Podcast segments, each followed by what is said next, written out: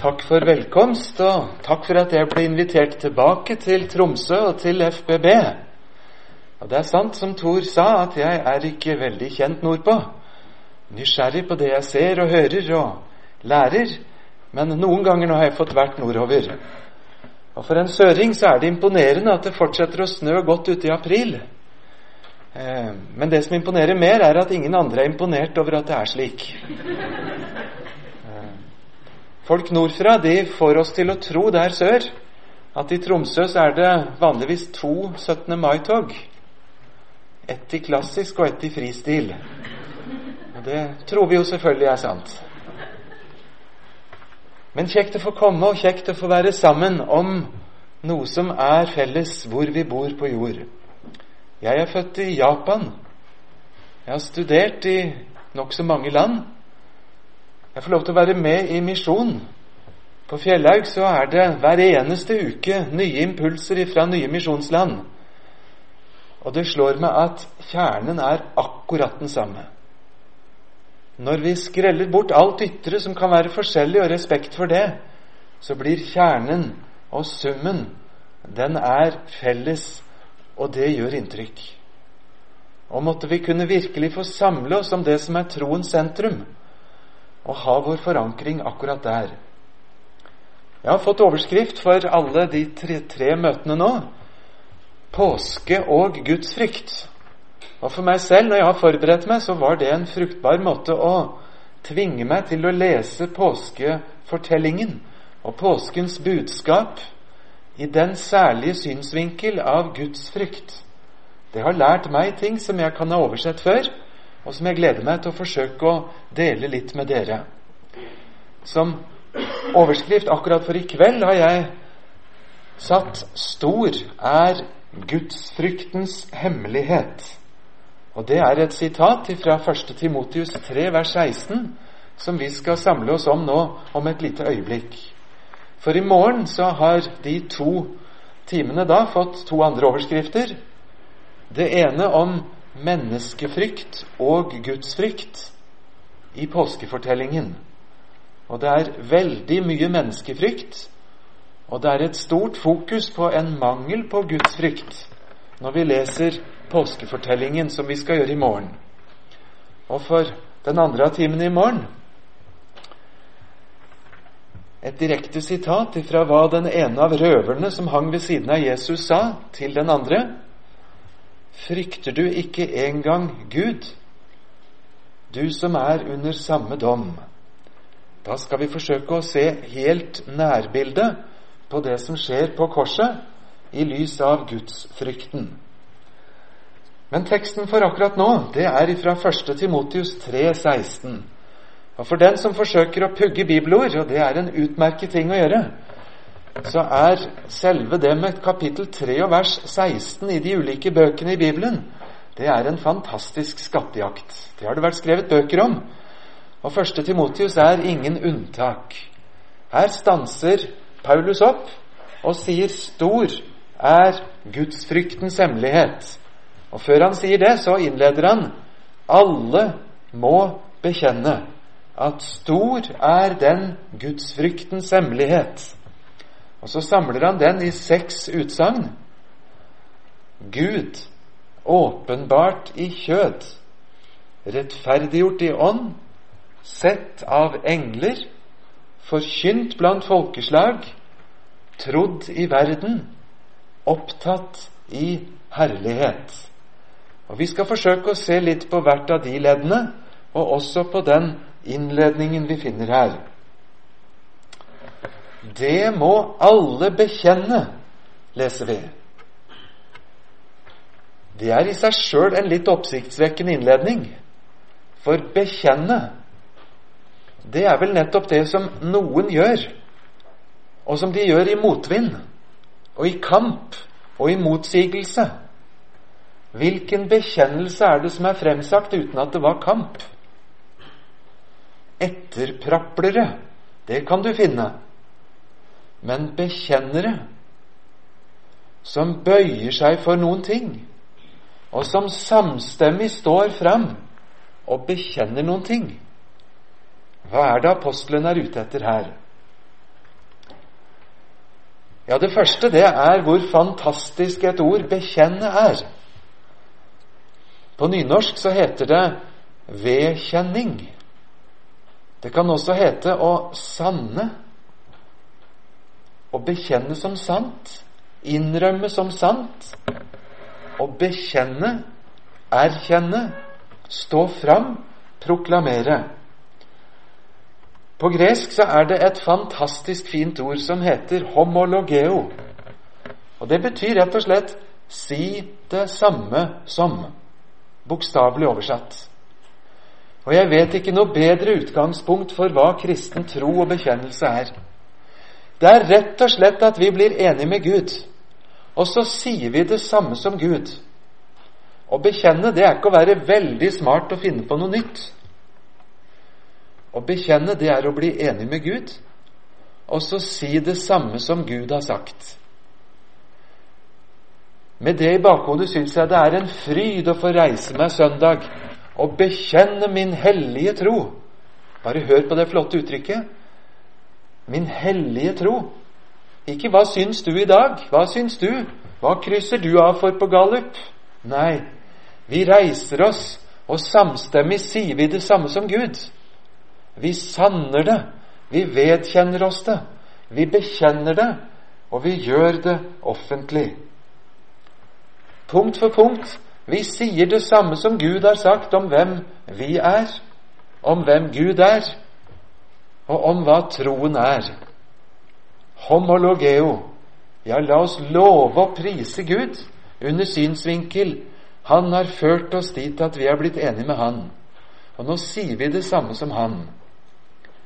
Og så kan vi spørre oss hva annet skulle vi snakke om enn bekjennelse? Hva annet har vi på hjertet enn å bli enig med Gud og si det samme som Gud? Måtte Gud, Herren, få velsigne deg og meg til å være troens sanne bekjennere, som legger til side vår egen kreativitet, og så samler vi oss om det Herren selv har sagt, og så sier vi ham det etter på nye måter, kan hende, inn i ny tid, men med samme budskapet. Vi skal slippe å finne opp. Jeg har en sønn som studerer fem år, noe som heter produktutvikling. Det betyr at han skal bli sivilingeniør i hvordan du konstruerer maskiner. Det er fint, og det trenger vi. Trenger mange maskiner. Men hver eneste gang jeg tenker på det navnets produktutvikling, så slår det meg at faren hans, jeg Jeg er i en bransje som ikke driver med produktutvikling. Produktet er funnet opp. Det skal ikke forandres og ikke forbedres. Det ligger der. Det er den fagre skatten. Og Det leser vi om i samme brevene til Timotius. Hør på hvor fint det står. Apostelen skriver Ha som forbilde de sunne ordene som du har hørt av meg, i tro og kjærlighet i Kristus Jesus. Og ta vare på den fagre skatten som er betrodd deg ved Den hellige ånd, som bor i oss. Så Hvis jeg skulle få lov å erte litt grann dette begrepet produktutvikling, så er altså vi i en litt annen bransje. Vi har fått utlevert dette positum, en skatt som er fager, som vi tar vare på. Og så har vi lært, Jesus, lært av Jesus at det gjør vi ikke med å grave den ned i jorden eller å plassere den i en innbruddssikker bankboks, men i å sette den i omløp. Du og jeg tar vare på den fagre skatten ved å si det samme som Gud, om oss selv, om Gud, om troen, til de menneskene Han setter oss sammen med. En gang til hva bibelordet vårt sier. Dette må alle bekjenne, at stor er gudsfryktens hemmelighet. Stor er gudsfryktens hemmelighet. Det ordet 'hemmelighet' heter mysterion. Og nå er det en og annen bibeloversettelse som har byttet ut ordet 'hemmelighet' med nettopp mysterium. Stor er gudsfryktens mysterium. For det er jo ikke meningen at det skal holdes hemmelig. Evangeliet er en hemmelighet, men det skal ikke være hemmelig inside information som vi skjuler for de andre. Men mysterium er kanskje heller ikke noe godt ord, for det gir inntrykk av at det er noe mystisk. Det er noe som ikke kan rommes i ord, ikke må sies, og som kanskje føles dypt inni mitt innerste hjerte, men lenger enn det kommer det aldri. I så fall så treffer ikke det heller så godt. Det er ikke hemmelig, det er ikke mystisk, det er ikke skjult, men det er altså åpenbaret, og det skal vi se på om et øyeblikk. Det er noe som er blitt åpenbart. Gardina er trukket fra. Nå vises det fram. Nå går det an å få oversikt, for det er ikke hemmelig mer.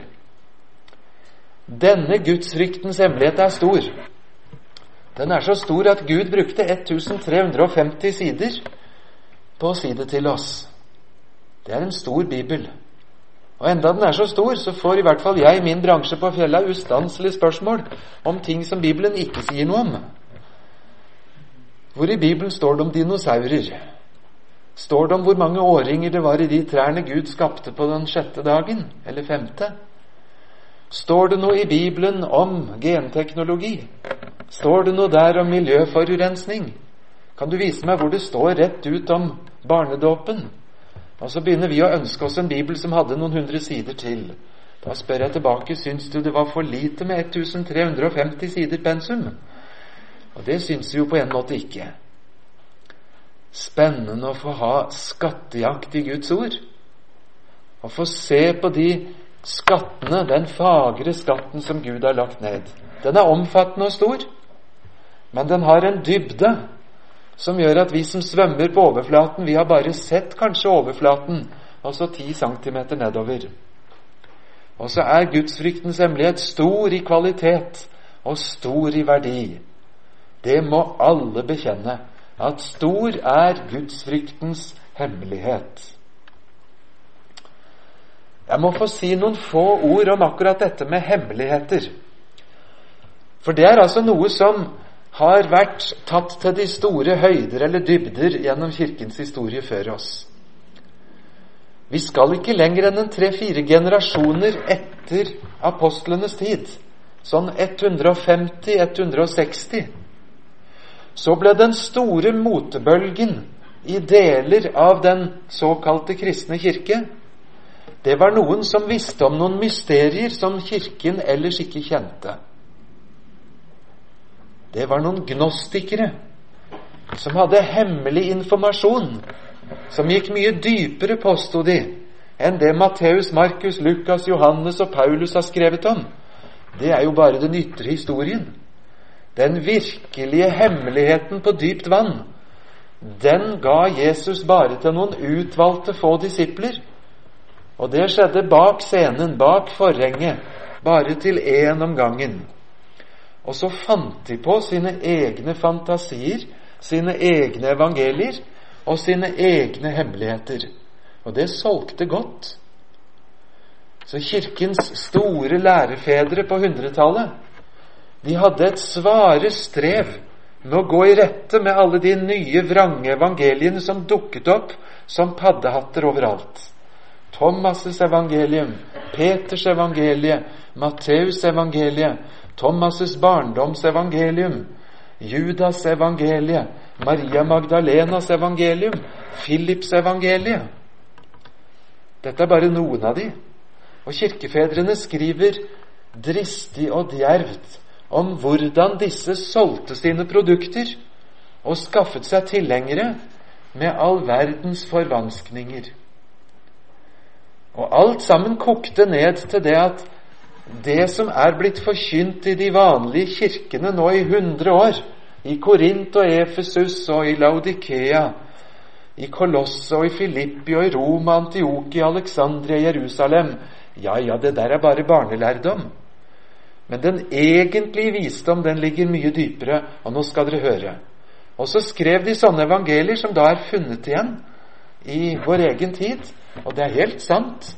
Mange av disse papyrusfragmentene de er så gamle som ifra 300-400-tallet etter Kristus. De er ikke altså så gamle som Thomas-evangeliet kanskje er, og slett ikke så gamle som bibelmanuskriptene. Men de er så gamle at det er ingen tvil om at dette er noe som har fulgt Kirken som et kjetteri ifra godt ute i det andre århundret.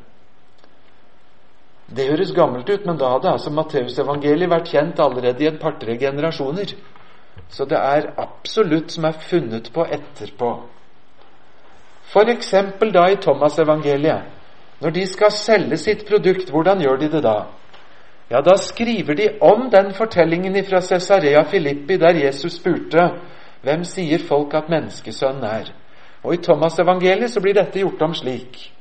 Jesus sa til sine disipler Sammenlign meg med noe og fortell meg hva jeg ligner. Simon Peter sa til ham, Du er lik en rettferdig budbringer.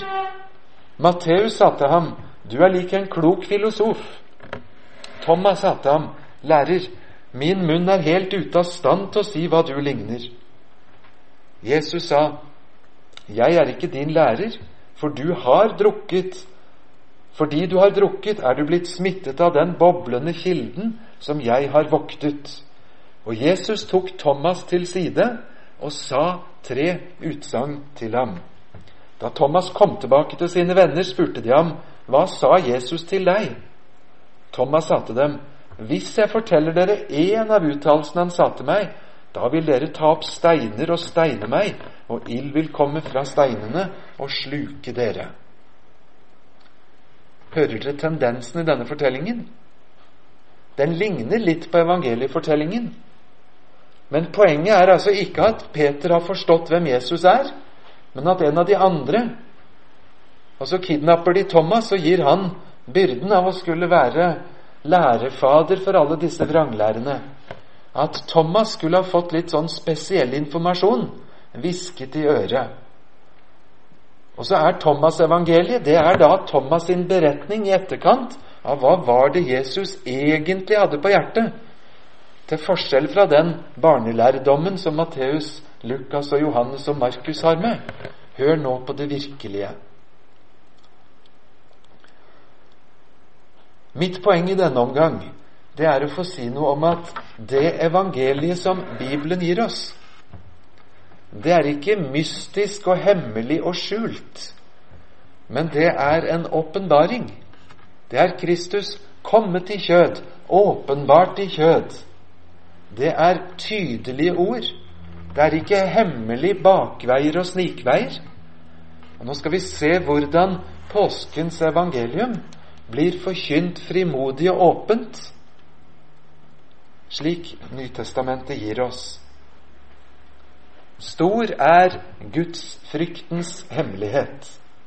Vi begynner med å si litt om hva gudsfrykt er for noe. Vi har hatt et par timer på det i bibelskolen i går skal jeg få lov til å hente opp noen poenger og, og prøve å trekke det litt inn mot det vi nå sier.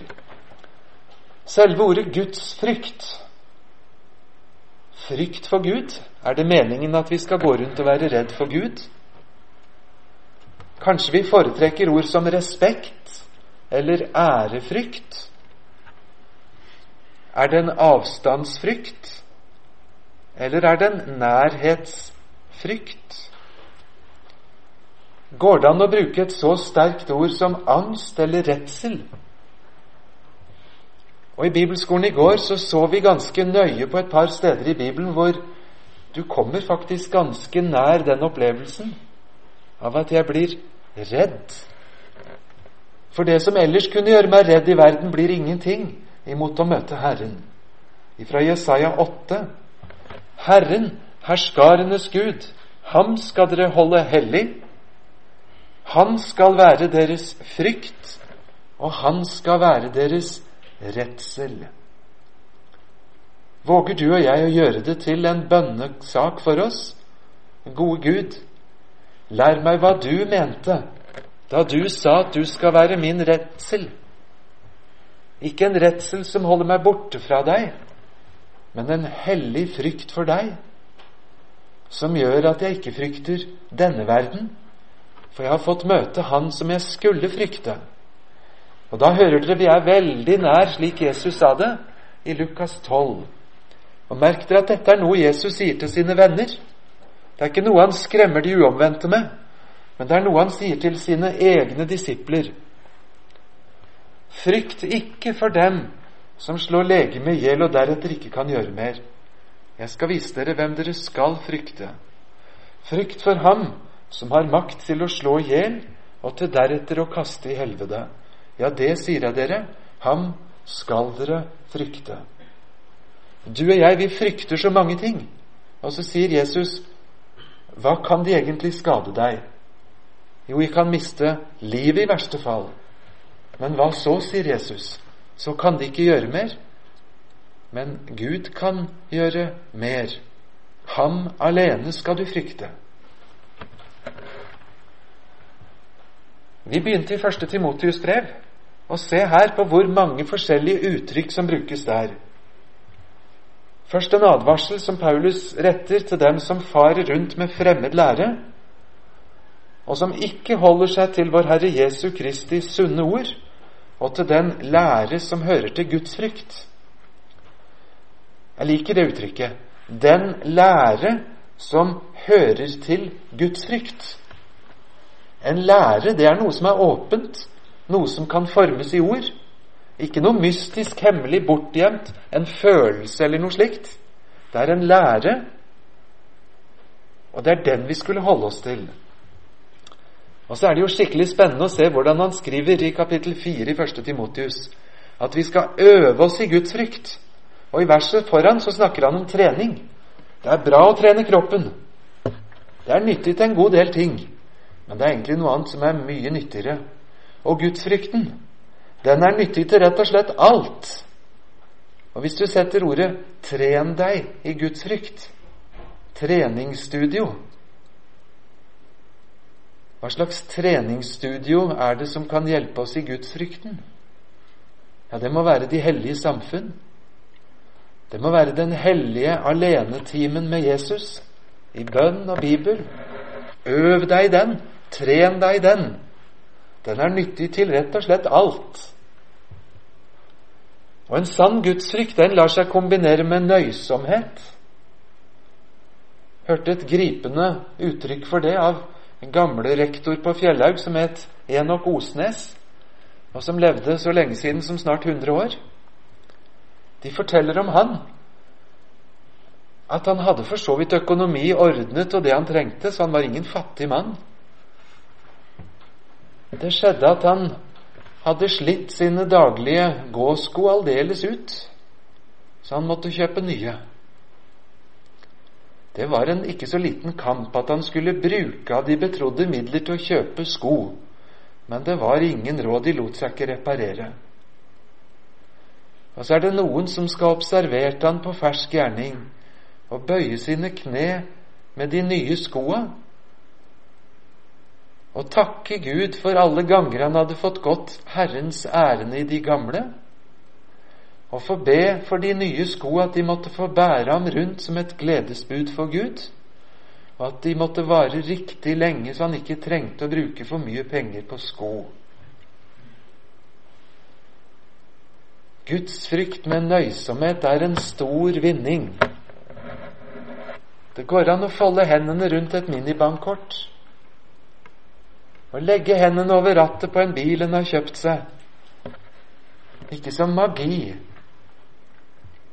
men som en bønn til Herren om at bilen må føre meg trygt på Hans veier gjennom dette livet, at den må vare lenge, må få bli til velsignelse for meg og alle som skal sitte på.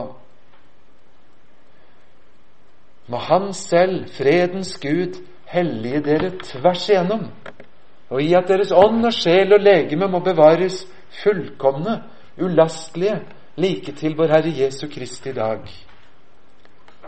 Et hellig par sko, en hellig Facebook-konto, et hellig minibankkort,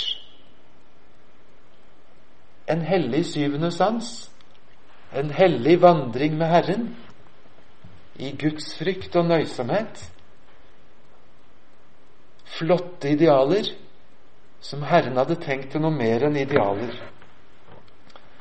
Og Hør på uttrykket der i 1. Timotius 6,11. Jag etter Guds frykt. Jag etter rettferdighet, etter Guds frykt, etter tro, kjærlighet, tålmodighet og mildhet. Jag, det ligner veldig på ordet jakte. Det betyr ikke at det er fellingstillatelse på verken rettferdighet eller gudsfrykt. Men spør en jeger hva det er å være målrettet, å kunne koble ut andre sanseinntrykk og se etter det du jager etter. Og la det bli en leksjon i å jage etter rettferdighet og gudsfrykt, tro, kjærlighet, tålmodighet og mildhet. Paulus skriver et helt brev til Timotius for å undervise han hvordan man skal ferdes i Guds hus. Jeg håper til og med snart jeg kommer til deg og kan undervise deg. Men i tilfelle det drøyer, har jeg skrevet dette lille brevet på seks kapitler til deg. For at du skal vite hvordan en ferdes i Guds hus. For Guds hus, det er den levende Guds menighet, sannhetens støtte og grunnvoll. Wow! Hvordan ferdes vi sammen med de andre troende? Det som Bibelen så fint kaller de hellige samfunn. Ja, Det betyr ikke bare at vi møtes og har det kult sammen. Det betyr ikke bare at vi syns det er kjekt å møte hverandre. Jeg møter den levende Guds grunnvoll. Sannhetens støtte og grunnvoll. Og enda Timotius hadde jobba med Paulus i mange år, så trengte han et ekstra brev for å vite hvordan skal du oppføre deg, snakke, te deg, leve i Guds menighet. Vi trenger bibelskoler, bibelhelger, for at Gud kan få undervise oss. Hva er det som hører til det å leve etter Guds gode vilje sammen med de andre? Det betyr ikke at det er fryktelig bedrøvelig og fryktelig trist. Sånn kan det se ut. Min storesøster, da hun var liten, og før jeg ble født, så var hun med mor min på et møte som, som var et viktig og ærlig og alvorlig møte. Men treåringen spurte mor etterpå Mamma, var dette et fryktelig trist møte? På en måte så var det jo ikke meningen, det, for det er glede, rettferdighet og fred i Den hellige ånd. Men på den annen side så godt. Så godt om et barn kan få kjenne at det er noe med alvoret der hvor Guds barn møtes. Det er en gudsfrykt. Jeg fikk et spørsmål. Hva er forskjellen? Hva er den egentlige DNA-et i Vålerengas supportergjeng og en kristen menighet? Wow, hva syns du jeg skulle svare da? Hva er den egentlige forskjellen på stemningen i supporterbussen til en eller annen supporterklubb, også blant kristne som er sammen? Kan du måle det på en skala fra glede til sørgelig? Nei. Kan du måle det på en skala av promille? Ja, kanskje. Kan du måle det på en skala av ærlighet? Kan du måle det på en skala av åpenhet med hverandre? Vi fikk en veldig interessant samtale. Jeg er ikke bare stolt av hvordan jeg og andre kanskje skaper de kristne fellesskapene. Bibelen vil undervise oss i hvordan vi skal ferdes. Og For meg så blir det en verden av forskjell å forsøke å få flest mulig nordmenn til å stille når det skal gjøres valg til menighetsråd og bispedømmeråd og kirkeråd. Under overskriften 'Hva slags kirke vil du ha?' Etter min mening kan ikke spørsmålet stilles vanskeligere og verre. Jeg tror Bibelen lærer oss å spørre hva slags kirke vil Gud ha? Og det har han sagt noe om. Og så handler det om å bekjenne. Det betyr å si det samme som Gud. Å bli enig med Gud. Jeg vil ha den samme slags kirke som du ønsker. Og så må du lære oss hvordan det skal være. Nå har Bibelen et enormt paradoks. Vi skal frykte Gud, men så skal vi samtidig elske ham. Og går det an? Så langt jeg kan se, så er det to bibeltekster, ett fra Det gamle og ett fra Nytestamentet, som sier akkurat det. I Gammeltestamentet, når Moses skal oppsummere loven i 5. Mosebok, så sier han i kapittel 10.: Nå, Israel, hva krever Herren din Gud av deg, uten nettopp at du skal frykte Herren din Gud og vandre på alle hans veier og elske ham og tjene Herren din Gud av hele ditt hjerte og av hele din sjel. Du skal elske, men du skal også frykte Herren din Gud. I Det nye testamentet, når Paulus skal forklare hvorfor han driver misjon Han driver jo misjon med risiko for å bli drept og henrettet hver eneste dag. Så sier han svaret er at regnskapsdagen og dommedagen da hvert menneske skal føres fram for Kristi domstol for å få igjen hva hans liv har forvoldt. Ja, det gjør at jeg kjenner frykten for Herren. Og derfor, fordi vi kjenner denne frykten for Herren, så søker vi å vinne mennesker for Gud, så ikke de skal bli stående på feil side på dommedag og gjennom en hel evighet. Men så legger han til tre vers etterpå det er Kristi kjærlighet som tvinger meg. Det er noen som protesterer på at kjærlighet passer ikke sammen med tvang. Å jo, spør en mor hvis barnet er i fare, om det blir en frivillig sak å redde barnet eller ikke da. Da ser du kjærligheten tvinger, uavhengig av egen risiko for å redde den lille. Kristi kjærlighet tvinger meg. Og Nå hører vi ekko fra Luther som forklarer hvert av de ti budene med at vi skal frykte og elske Gud, slik at vi ikke gjør sånn, men isteden gjør slik. Hvordan skal vi kunne leve i samsvar med de ti bud? Jo, ved å frykte Herren og ved å elske Ham. Samtidig, ifra samme hjerte. Går det an? Jeg kan ikke forklare det som en psykolog ville prøve, men jeg kjenner det igjen fra Skriften. Og jeg tror jeg kan si i noen grad jeg kjenner det igjen fra livet med Gud. Nå er det noen bibeltekster som gir inntrykk av at vi ikke skal frykte Gud. I 1. Johannes brev så står det rett ut Frykt er ikke i kjærligheten. Den fullkomne kjærlighet driver frykten ut. For frykten har med straff å gjøre. Og den som frykter, er ikke blitt fullkommen i kjærligheten. Bort med frykt. Betyr det det? Bye bye Guds frykt. I den nye pakt er det bare kjærlighet. Ja Skal vi se hva Paulus skriver om samme sak? Romerbrevet 8. Dere fikk ikke trelldommens ånd som gjør at vi atter skulle frykte, men vi fikk barnekårets ånd som gjør at vi roper 'Abba, Far'. Høres ikke her også ut til å være en kontrast mellom frykten, bye bye, og barnekår og kjærligheten som griper evangeliet?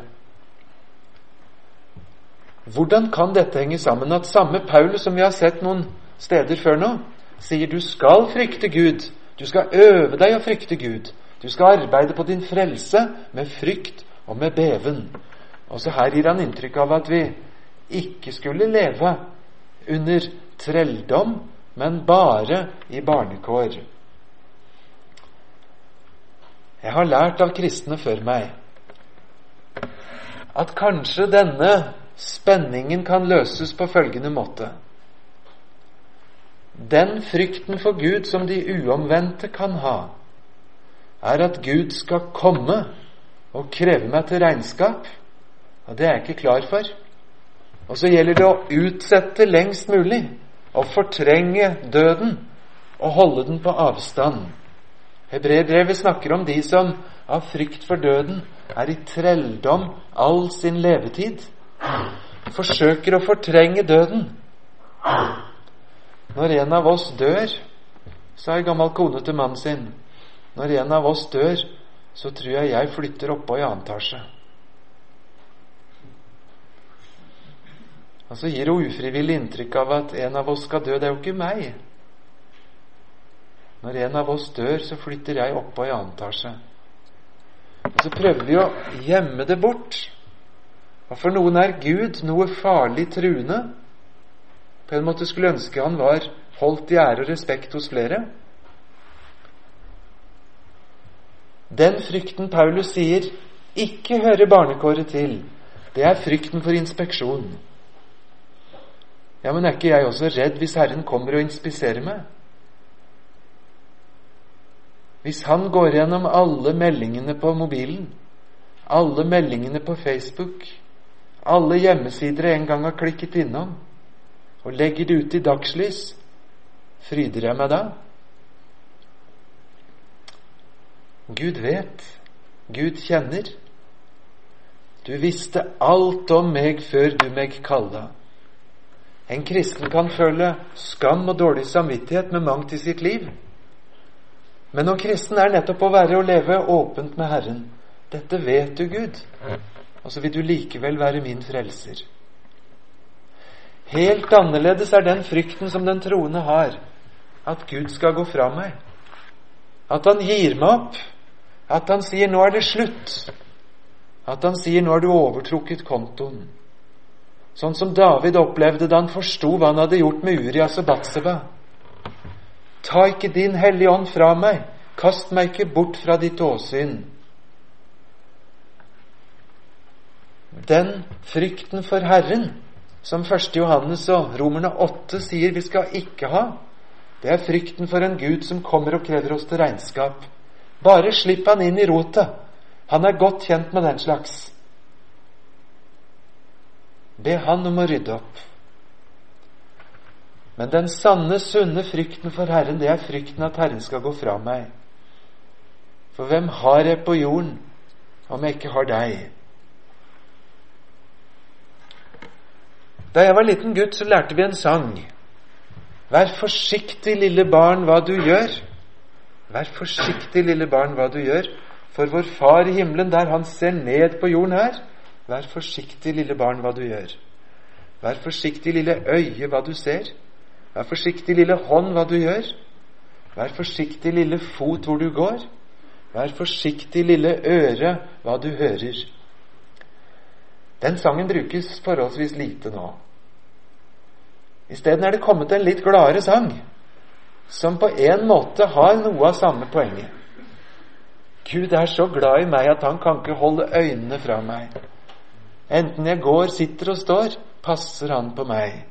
Jeg er bestandig trygg, for han er med meg gjennom alt det som skjer meg. Og så har jeg noen ganger spurt meg Er det sant budskapet i begge de to sangene?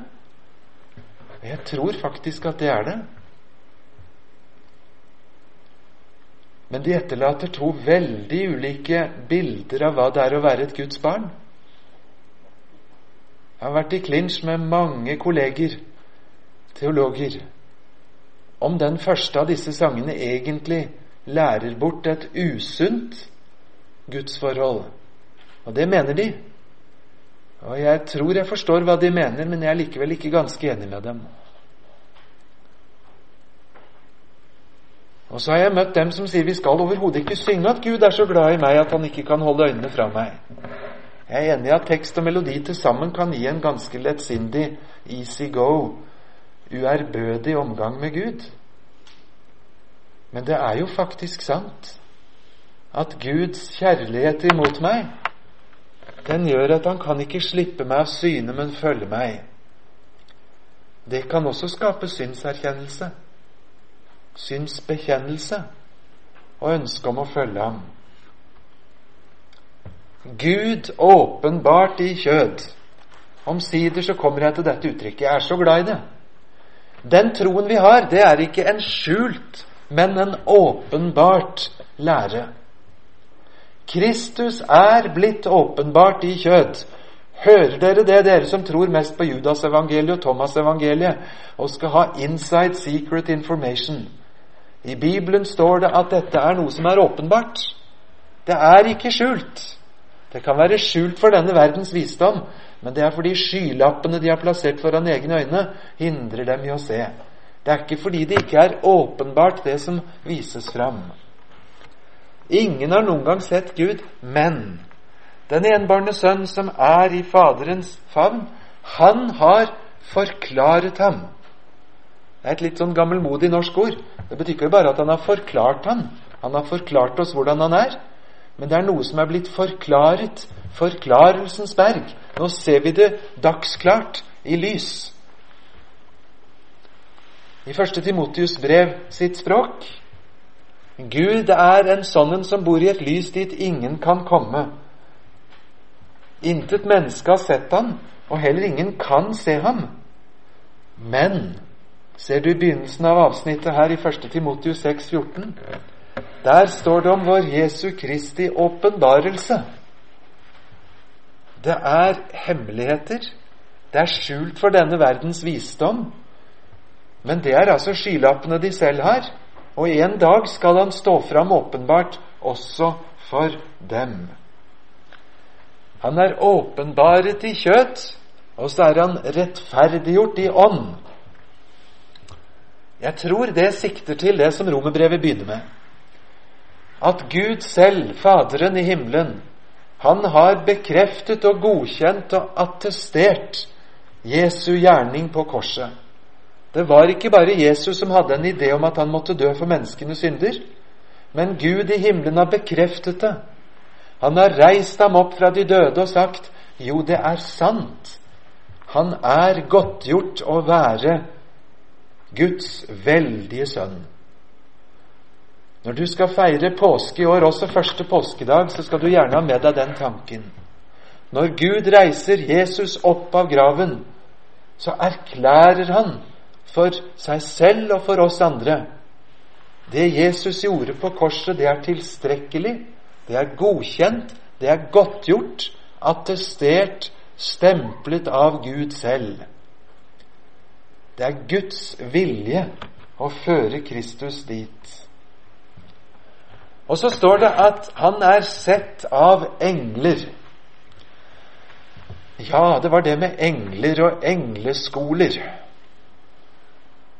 Det er liksom i ferd med å bli nesten sånn at Märtha Louise og noen andre har overtatt eh, liksom spesialiteten på det med engler. Sånn må vi ikke tenke. Det at det dukker opp engledyrkelse, det skriver Kolossebrevet om, og Johannes' åpenbaring og Bibelen. Det er det advarsler imot. For englene skal aldri stå i veien for Jesus. De er bare budbærere. Vet du hvor mange av Bibelens 66 bøker det er som omtaler engler? 60 av de 66 bøkene i Bibelen omtaler ett eller flere steder engler. Wow! Så masse står det om det. Jeg måtte spørre meg selv Har du, Sverre, vært innom den virkeligheten som kalles engler, i 60 av dine 66 forrige prekener? Hadde jeg gjort det, så hadde jeg sikkert blitt meldt til hovedstyret for å være i ferd med å melde overgang til en eller annen engleskole. Nei, det er Bibelen som forklarer den virkeligheten at Gud i himmelen, han kommanderer over englene. De er tjenende ånder som er sendt ut for å tjene oss som skal arve frelsen, sier hebreerne 1, 13 og 14. Og her i åpenbaringen 5 så står det så fantastisk innenfor Gud. Der fikk Johannes se og høre røsten av mange engler rundt om tronen og de fire livsvesener og de eldste. Og tallet på dem, det var 10 000 ganger 10 000 og 1000 ganger 1000 og de sa, verdig er lammet som ble slaktet til å få makt, rikdom, visdom, styrke, ære, pris og velsignelse. 10 000 ganger 10 000. Ja, det var en som tok kalkulatoren fram og trodde dette var matematiske sifre. Da kommer du til noen millioner. 100 millioner. Og 1000 ganger 1000, det er en million. Og så trodde han han hadde funnet svaret. Det fins 101 millioner engler i himmelen er ikke sikkert det var matematiske sifre. Men aner du Aner du storheten i det? Er det noen som har hørt om en fotballstadion med 101 millioner tilskuere? Som alle sammen synger, ikke for elleve mann, men for én, og sier 'Verdig er du, det slaktede lam'. Du som har kjøpt oss, du som har gjort oss til det vi ikke var. Jesus er sett av engler. Noen syns det er en helt uvesentlig sak, men det er det altså ikke i Bibelen. Han er sett og observert og bekreftet av englene. Og så er han forkynt blant folkeslag. Her snakker vi om verdens nyhet. Er det ikke noe som på TV 2 heter nyhetsvarsel?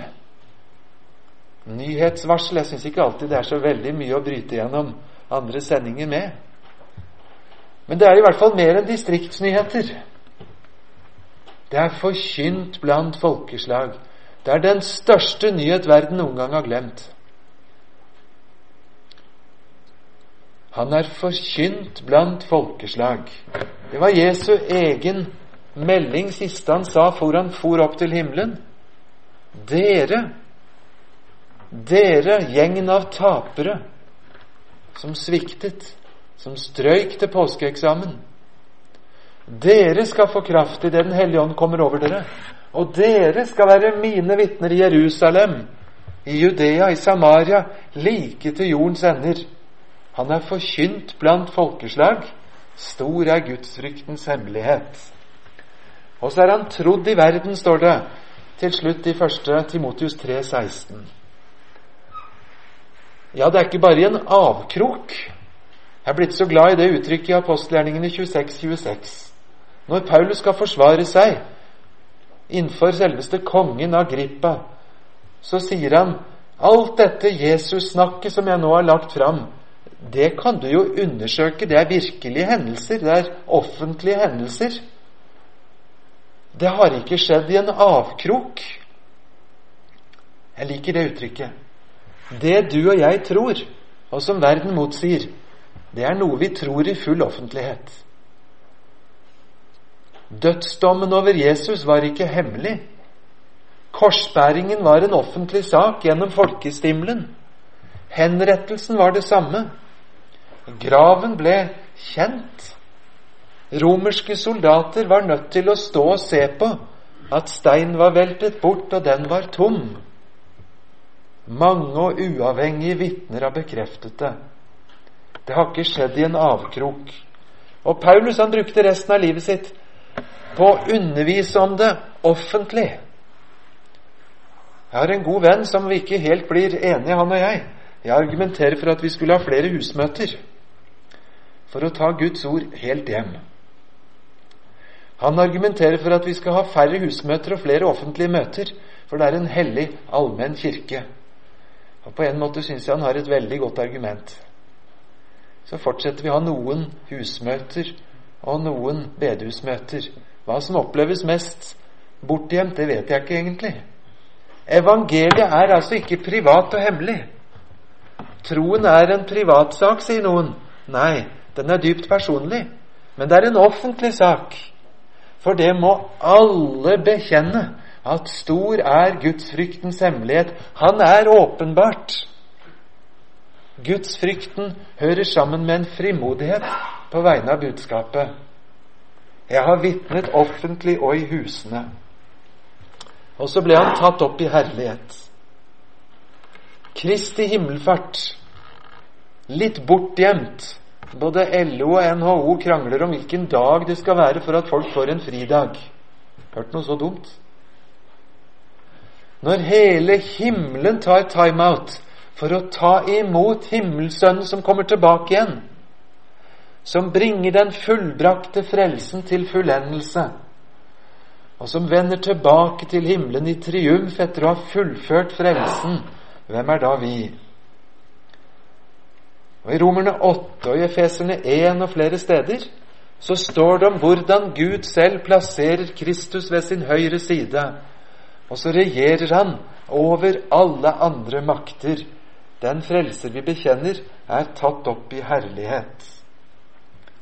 Gudsfrykt og påske. Det er altså en form for gudsfrykt i møte med påskens store evangelium når vi tenker over det som skjedde med Jesus, så kan vi gripes av frykt, av sorg, kanskje også over sinne og indignasjon over at de kunne gjøre sånn med min Jesus. Justismord, falskhet, juks. Så feige de var. Så dårlig gjort overfor Jesus. Eller som vi sang i salmen rett før talen Hvem kan tenke på den smerte uten et bedrøvet hjerte? om det enda var en synder som led. Men her er det Gud selv kommet i kjød som lider. Og så gripes vi av en medynk. Og likevel, da har vi ikke sett mer enn utsiden. For smerten som førte Jesus til korset, var jo dypest sett at Gud selv forlot ham. Smerten, gudsfrykten, om Han som ble vårt påskelam. Forresten kanskje også frykten innenfor om lammets blod ikke skulle være på døra mi. Jeg tror nesten hver gang jeg tar imot nattverden, så ber jeg en bønn til Herren om at det Jesu blod som rekkes meg, må få strykes på dørkarmene til hjertedøra mi, sånn at du, Gud, ser blodet, og at du kan gå forbi, slik han lovte i 2. Mosebok 12, 13. Når jeg ser blodet, vil jeg gå forbi. Påske betyr forbigang. Passover på engelsk. Når dødsengelen kom, så så han etter lammets blod. Og så kjenner jeg en frykt. Er det sånn med mitt hjerte at blodet er der? Eller er det bare en innbilt greie? Gudsfryktens hemmelighet. Det er så mange avsporinger. Seinest denne uka i morgenandakten i NRK så spilte de Jesus Christ Superstar, hvor påskeevangeliet snus på hodet til en eller annen erotisk greie mellom Jesus og Maria, og hvor det handler om den personlige kjærlighetsopplevelsen Maria føler når han er død og ikke riktig vet åssen hun tar det igjen. Jeg blir så lei meg når jeg hører det. Skal det igjen og igjen kjernes på de der sidene? Akkurat nå lanseres det en film om Noah. Jeg har ikke sett den. Det skal bli spennende å lese litt om den. Skal tro om de får med det perspektivet som hebreerbrevet lærer oss. Mens Noah drev og bygde, så skjedde det i hellig frykt.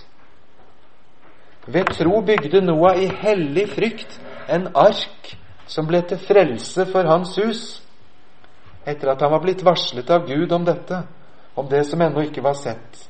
Og gjennom arken så fordømte han verden, og så ble han arving til rettferdigheten av tro.